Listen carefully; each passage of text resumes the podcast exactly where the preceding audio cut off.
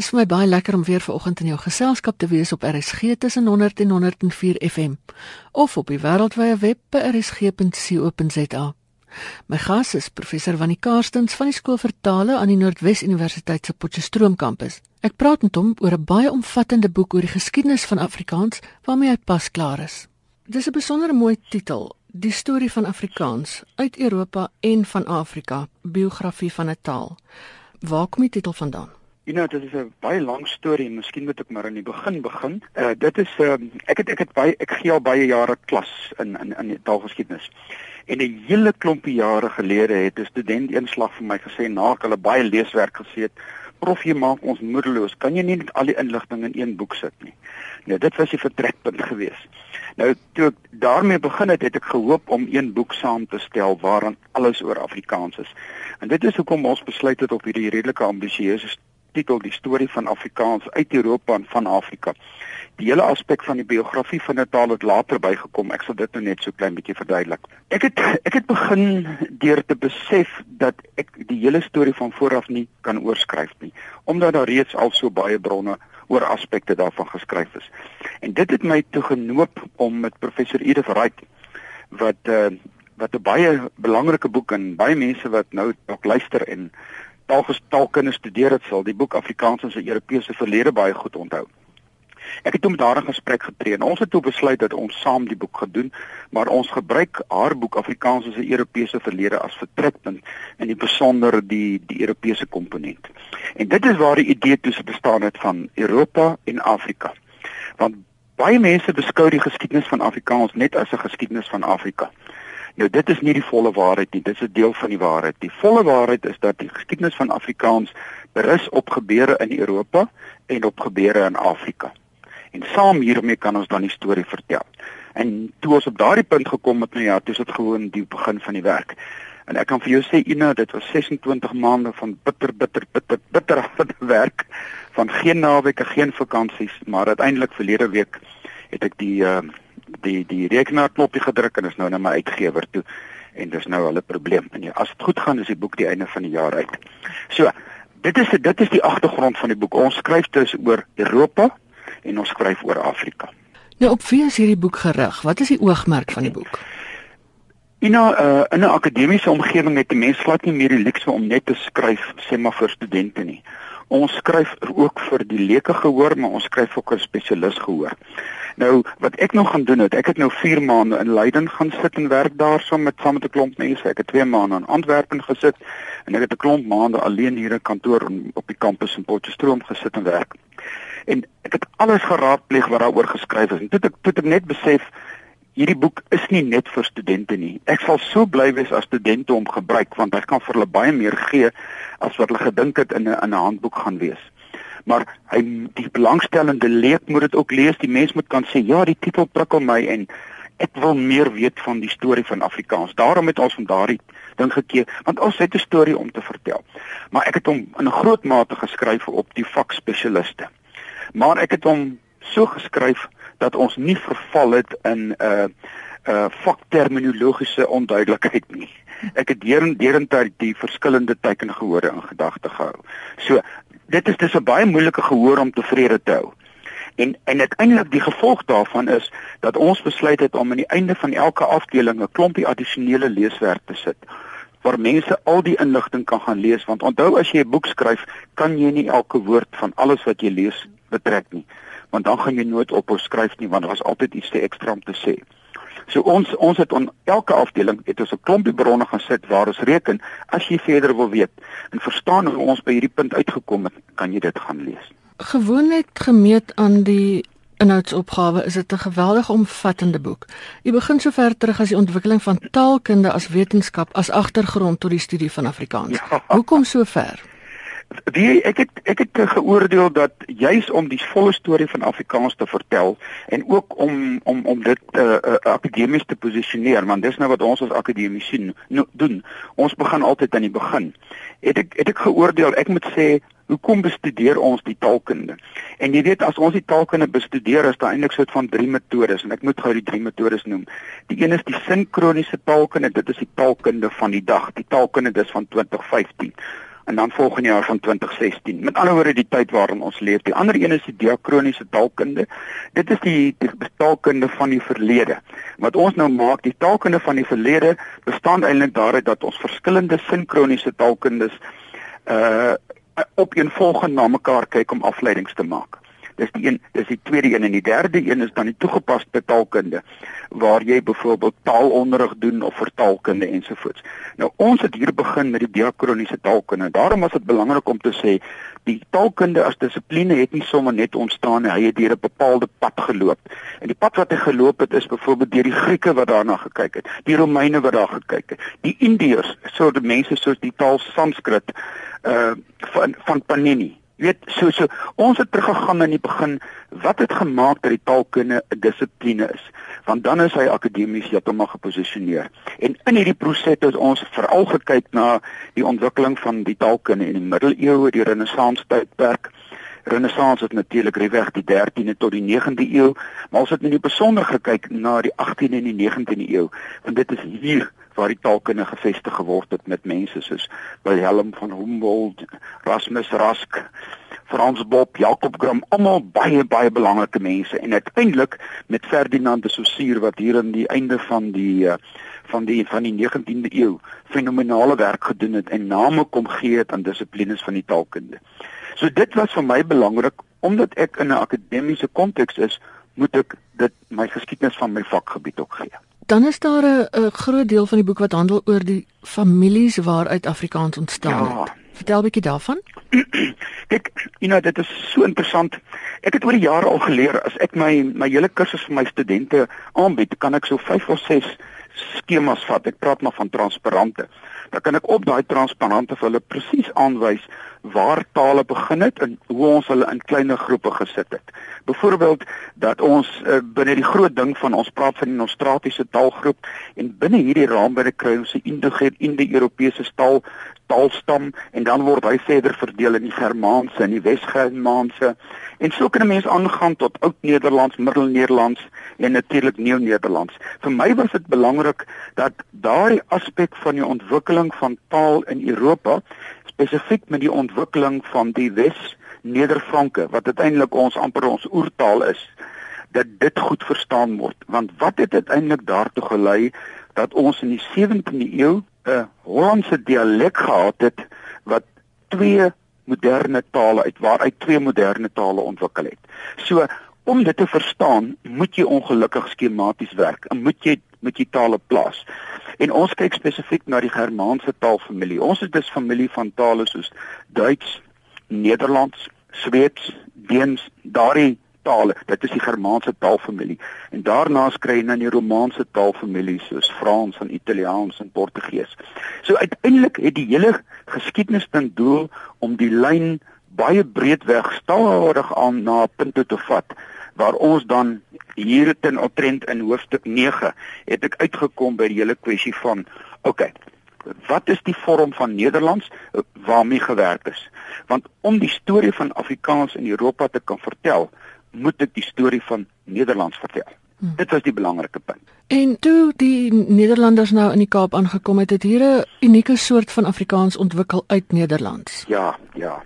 En en dit is interessant, ek gaan so klein stapie terug. Hmm. Toe ek toe ek geskryf het oor die storie van die Nederlanders en en en hoe dit ons eintlik teruggegaan het na die 17de eeuse Hollandse dialek en ek gebruik spesifiek Hollandse dialek want dit was nie dit was nog nie Nederlands nie. Hmm. Dit was Hollands. En ek is klaar daarmee. Toe besef ek Wie ek skryf nou vir 'n gehoor wat waarskynlik nie iets weet van hoe Nederland vandag lyk nie. Hmm. En toe het ek 'n hoofstuk tussenin gaan sit die La lande en Nederlands vandag. Dit was uiteindelik vir my 'n lekker hoofstuk en ek hoop uiteindelik die mense as hulle dit lees, dan sien hulle ook hoe lyk Amsterdam vandag? Hoe lyk Brugge vandag? Hoe lyk Brussel? En dan is dit nie net name van in Antwerpe net in 1585 die die die Vlaminge gevlug na die noorde toe nie. Dan is dit werklike plekke met werklike stede. So dit was net die die, die belangrike posisionering. Toe die mense in 1652 hier aangekom het, was dit natuurlik maar Jan van Riebeeck. Maar hier in die Kaap het hy 'n klompie mense aangetref. In die Kaap het hy die Khoikhoi aangetref en natuurlik ook die swart volke uit Afrika. Maar voor hom, en dit is nogal belangrik, was die Portugese reeds hierso. Was van die Engelse ook reeds hierso. En die Nederlanders ook hierso. So die wat ons baie keer dink die geskiedenis van Af, van Afrikaans en van Suid-Afrika, mis Suid-Afrika het al baie lank terug begin. Die geskiedenis van Afrikaans begin nie eers met 1652 nie. Dit is amper 'n oorgang van ontwikkelinge wat in Nederland plaasgevind het wat Jan van Riebeeck hom saamgebring het. En toe hulle aan die Kaap kom en hulle vestig die die verversingsstasie en dis ook baie belangrik. Hy het nie net gekom om betaal te vestig nie. Het 'n werk kom doen om 'n verversingsstasie te maak. Dis amper soos ons wat op die lang paaie af ry Kaap toe. Hier ergens in die middel is 'n petrolstasie waar jy kan petrol en vars vars koffie kry. Dit is amper dieselfde. En toe die Kaap 'n belangrike ontmoetingspunt vir mense uit verskillende tale geword. So aan die een kant het jy gehad die 16 die 17de eeuse Hollands wat baie dialekties was van mense wat uit uh, die suidelike dele van Nederland, die noordelike dele en ook uit die uh, die huidige België gekom het. So ons het 'n klomp dialekte. En het ons 'n klomp amptenare gehad wat al begin werk het aan 'n vorm van 'n standaard Nederlands. En hier in die Kaap het 'n klompie Engelse kom bly en binne 20 jaar was die Franse hier en die Duitsers was hierso en die Khoi was in elk geval hier en die swart stamme. Jy weet, so ons het baie keer hierdie goed in isolasie gesien. En dit is wat die storie van Afrikaans so interessant maak. Dit is nie 'n storie van 'n taal wat in isolasie ontwikkel het nie. Toe kom daar 'n klomp mense uit die ooste. Ja, van verskillende taalgroepe. Watter invloed het dit gehad? Dit het 'n enorme impak gehad want want Hulle het soveel kundigheid gebring. Dis die dit baie van die slawe wat ingevoer is. Wat nogal interessant was met navorsing kom ek agter so Jan Verbeek hulle was nie lank in die Kaap nie. Toe het hy op 'n dag gesê, "Wie het die werk om hierdie stasie te vestig om hierdie tuine te maak? Dis bietjie te veel vir ons. Ons moet mense kry wat ons help." En toe het die koei genader en die koei het ook nou nie baie van die werk gehou nie. Toe het hulle gesê maar nou moet ons slawe kry. En toe begin hulle slawe uit Afrika kry en natuurlik baie uit die Midde-Oos, uit baie uit Maleisië en daardie area. En en en en daardie mense het vir ons bepaalde kundighede gebring. Hulle het kos gebring, kundighede om klere te maak. Hulle het 'n klompie ambagte gebring. En hier in die Kaap het hulle deel van 'n baie komplekse samelewing geword wat wat met mekaar saamgebly het. En ons dink baie keer die Kaap was 'n plek waar wit mense gebly het. Die Kaap was die wit mense was 'n minderheid. Daar was die die die besoekers van buite, daar was die amptenare en dan is daar al die die, die mense uit uit uit die swart groepe, uit die Khoi, almal het in daardie uitspot gebly. Maar die interessante is binne 150 jaar toe word die Kaap oorgeneem deur die Engelse.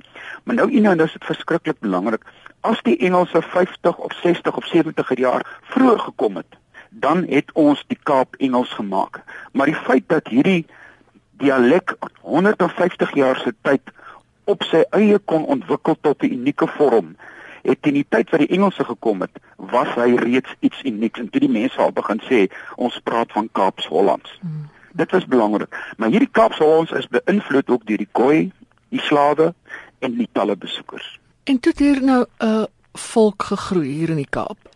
En nasionalisme het, en goed het gebeur. Ja, hier het hier het hier het 'n nuwe sprekersgemeenskap ontwikkel. En wat ons nou in die boek gedoen het, ons het tog gaan kyk, wat is die invloed van al hierdie groepe op die mense?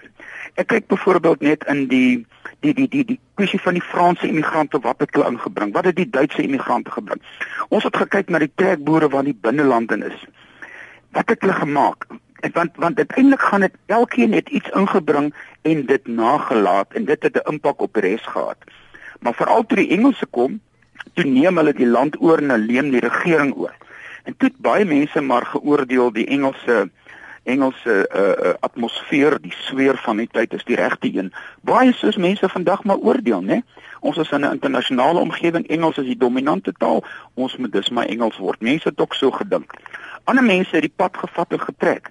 En dit is waar ons ons veeboere kry, ons kry ons trekboere en heelwat mense sit in die oosgrens gaan bly.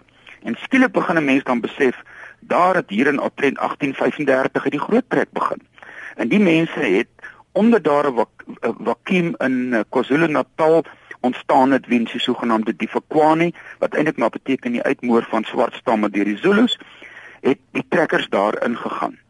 En verlede jaar het die FAK byvoorbeeld daar die hele trek herdenk. Jy weet, dit is alles verskriklik belangrike gebeure. Maar met die vertrek van die van die mense op die groot trek, het hulle hulle taal saamgevat. Nie net 'n kultuur hulle gebruik nie, ook hulle taal. En van die mense het selfs deurgetrek tot om Mosambiek, soos Louis Trichardt. So jy kan sien, you know, hier het 'n hier het 'n trekgees gekom, hier het 'n uitbreiding gekom in 'n kontinent wat vir baie baie lank nie plaasgevind het nie. Maar aan die oosgrens was dit 'n hotspot en die mense het later gevoel ons kan nie anders as om te trek nie. En ongelukkig in hierdie tyd, weens hierdie druk wat op die mense in die oosgrens was, het hulle gevoel ons word benadeel, ons word nie erken nie. Hier het 'n vorm van Afrikaner nasionalisme so stadig gaan begin ontwikkel en toe die mense getrek. Maar let wel, hulle het hulle taal saamgeneem. En toe die taal begin ontwikkel, dat organisasies ontstaan, dat boeke en kuns en allerlei goed gebeur.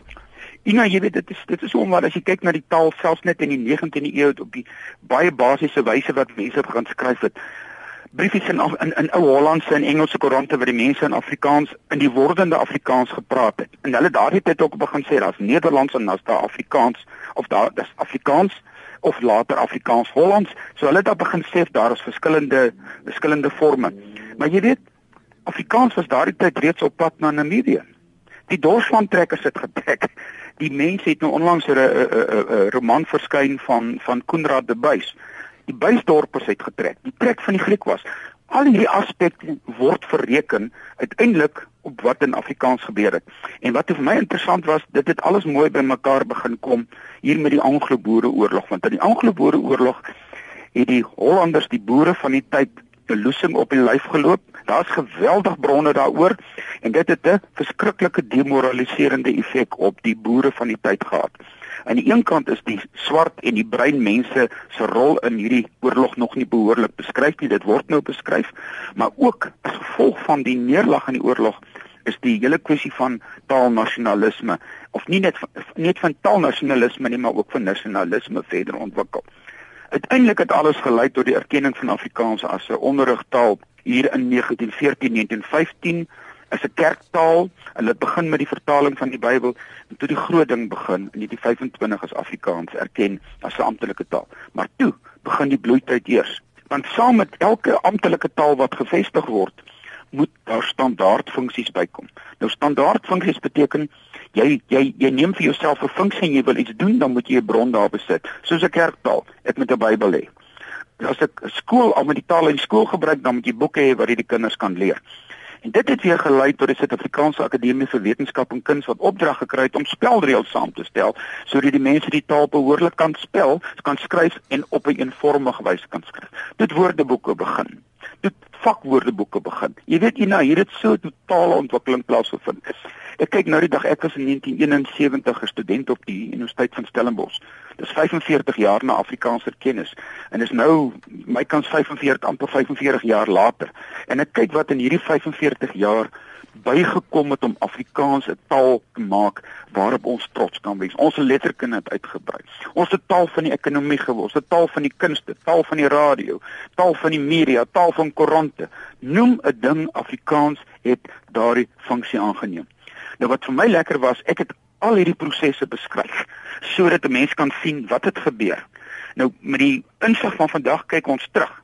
Dan sien ons ongelukkig ons begin so stadig gaan van daai funksies verloor en dit is wat 'n mens regtig bekommerd maak. Ek wil nou 'n uh, bietjie spring na die einde van die boek toe. Wat wil jy verder bereik? Want u u gee aan die einde van aan die laaste hoofstukke gaan dit oor 'n wyeer blik op die geskiedenis en die ontstaan van Afrikaans, die rol van taalverandering, die soort van ding. Wat is die koers waarheen jy wil gaan? Ina wat in die in die 20ste eeu gebeur het en dit hang daarmee saam, is 'n klomp gebeure wat in Suid-Afrika plaasgevind het.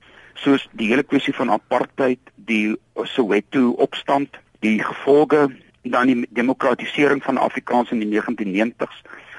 Daar het een ding plaasgevind en dit is dat in al hierdie gevalle feitelik net die storie van die wit sprekers van Afrikaans vertel is. En dit het ek stelselmatig in die skryf van die boek begin optel. En ek en Prof Edith raai dit toe besluit, maar ons moet hierdie storie ook vertel. Nou hier en daar begin mense dit noem, maar ek het probeer om dit in een hoofstuk, hoofstuk 23 te kom sit met die titel 'n weierblikkie geskiedenis van Afrikaans. Ek het byvoorbeeld gesê die groot trek wat al hulle praat op trend van sê maar 23000 mense te by op die ou end getrek, maar meer as 5000 daarvan was nie wit sprekers van af. Was nie wit nie. Die slawe geskiedenis het die mense by die ooste hiernatoe gekom, hulle kundigheid gebring. En en en, en hulle was van die eerste mense wat Afrikaans werklik begin skryf het in 'n skool gehad het. Dis waar die moslim Afrikaans inkom. En ook in die in die, die Anglo-Boereoorlog was daar baie swart en bruin mense wat rolle gespeel het. En in die belang van die geskiedenis van Afrikaans moet ons hierdie eksklusief eksklusiewe koppeling van Afrikaans aan witsprekers begin losmaak. Dit was vir my baie belangrik om te doen. En omdat ek ontsettend sensitief is, moet jy dit aanpak want jy kan baie maklik aanstoot gee het ek wyd gekonsulteer in die breingemeenskap en raad gekry oor wat ek daar kan doen. Dit was vir my 'n besondere ervaring dat ek hier ervaar het hier is so belangrike deel van die Afrikaanse gemeenskap van vandag is oor die 50% van die sprekers van Afrikaans is is dit breinsprekers van Afrikaans. Maar hulle storie is nog nie regtig vertel nie. So hierdie hoofstuk is die eerste poging om daardie daardie storie te begin vertel. Ek het planne om die toekoms dit nog klein bietjie verder uit te brei. Maar vir my was dit belangrik dat ons die storie van Afrikaans vertel van die begin tot die einde en dat ons ophou met hierdie eksklusiewe wit kyk na Afrikaans.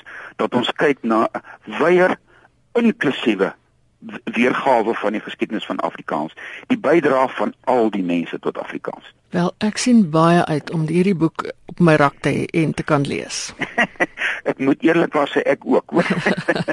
Want Ina, hy is nou weg en ja. so ek sê nou is dit my uitgewer se probleem, maar hier's nog bladproewe, hier's illustrasies wat ingevoeg moet word. Ek hoop die boek is teen die einde van die jaar uit en ek hoop dan mense lees hom vir wat ons bedoel het. Dat ons mense se koppe wil oopmaak om te dink oor hierdie wonderlike taal van ons, dat hierdie taal 'n bepaalde verlede het maar dat hierdie tale hede het waar ons nou lewe en ons moet weet dit gaan bepaal wat ons in die toekoms hiervan gaan maak. Ek reken dat die toekoms hiervan samehang met dinge soos in hoofstuk 23 waar ons weier moet kyk. Wat nogal interessant was, ek het in uh, hoofstuk 22 het ek ook gekyk na wat maak ons met Afrikaans in die toekoms. En ek het daar aan die hand van literatuur alles wat ek gelees het, omtrent 66 punte uitgelig wat mense kan doen om Afrikaans se toekoms te help verseker. Dit was professor Wannie Karstens van die skool vir tale aan die Noordwes Universiteit se Potchefstroom kampus. En dit is tyd vir my om te groet van my Ina Strydom. Alles van die beste tot 'n volgende keer.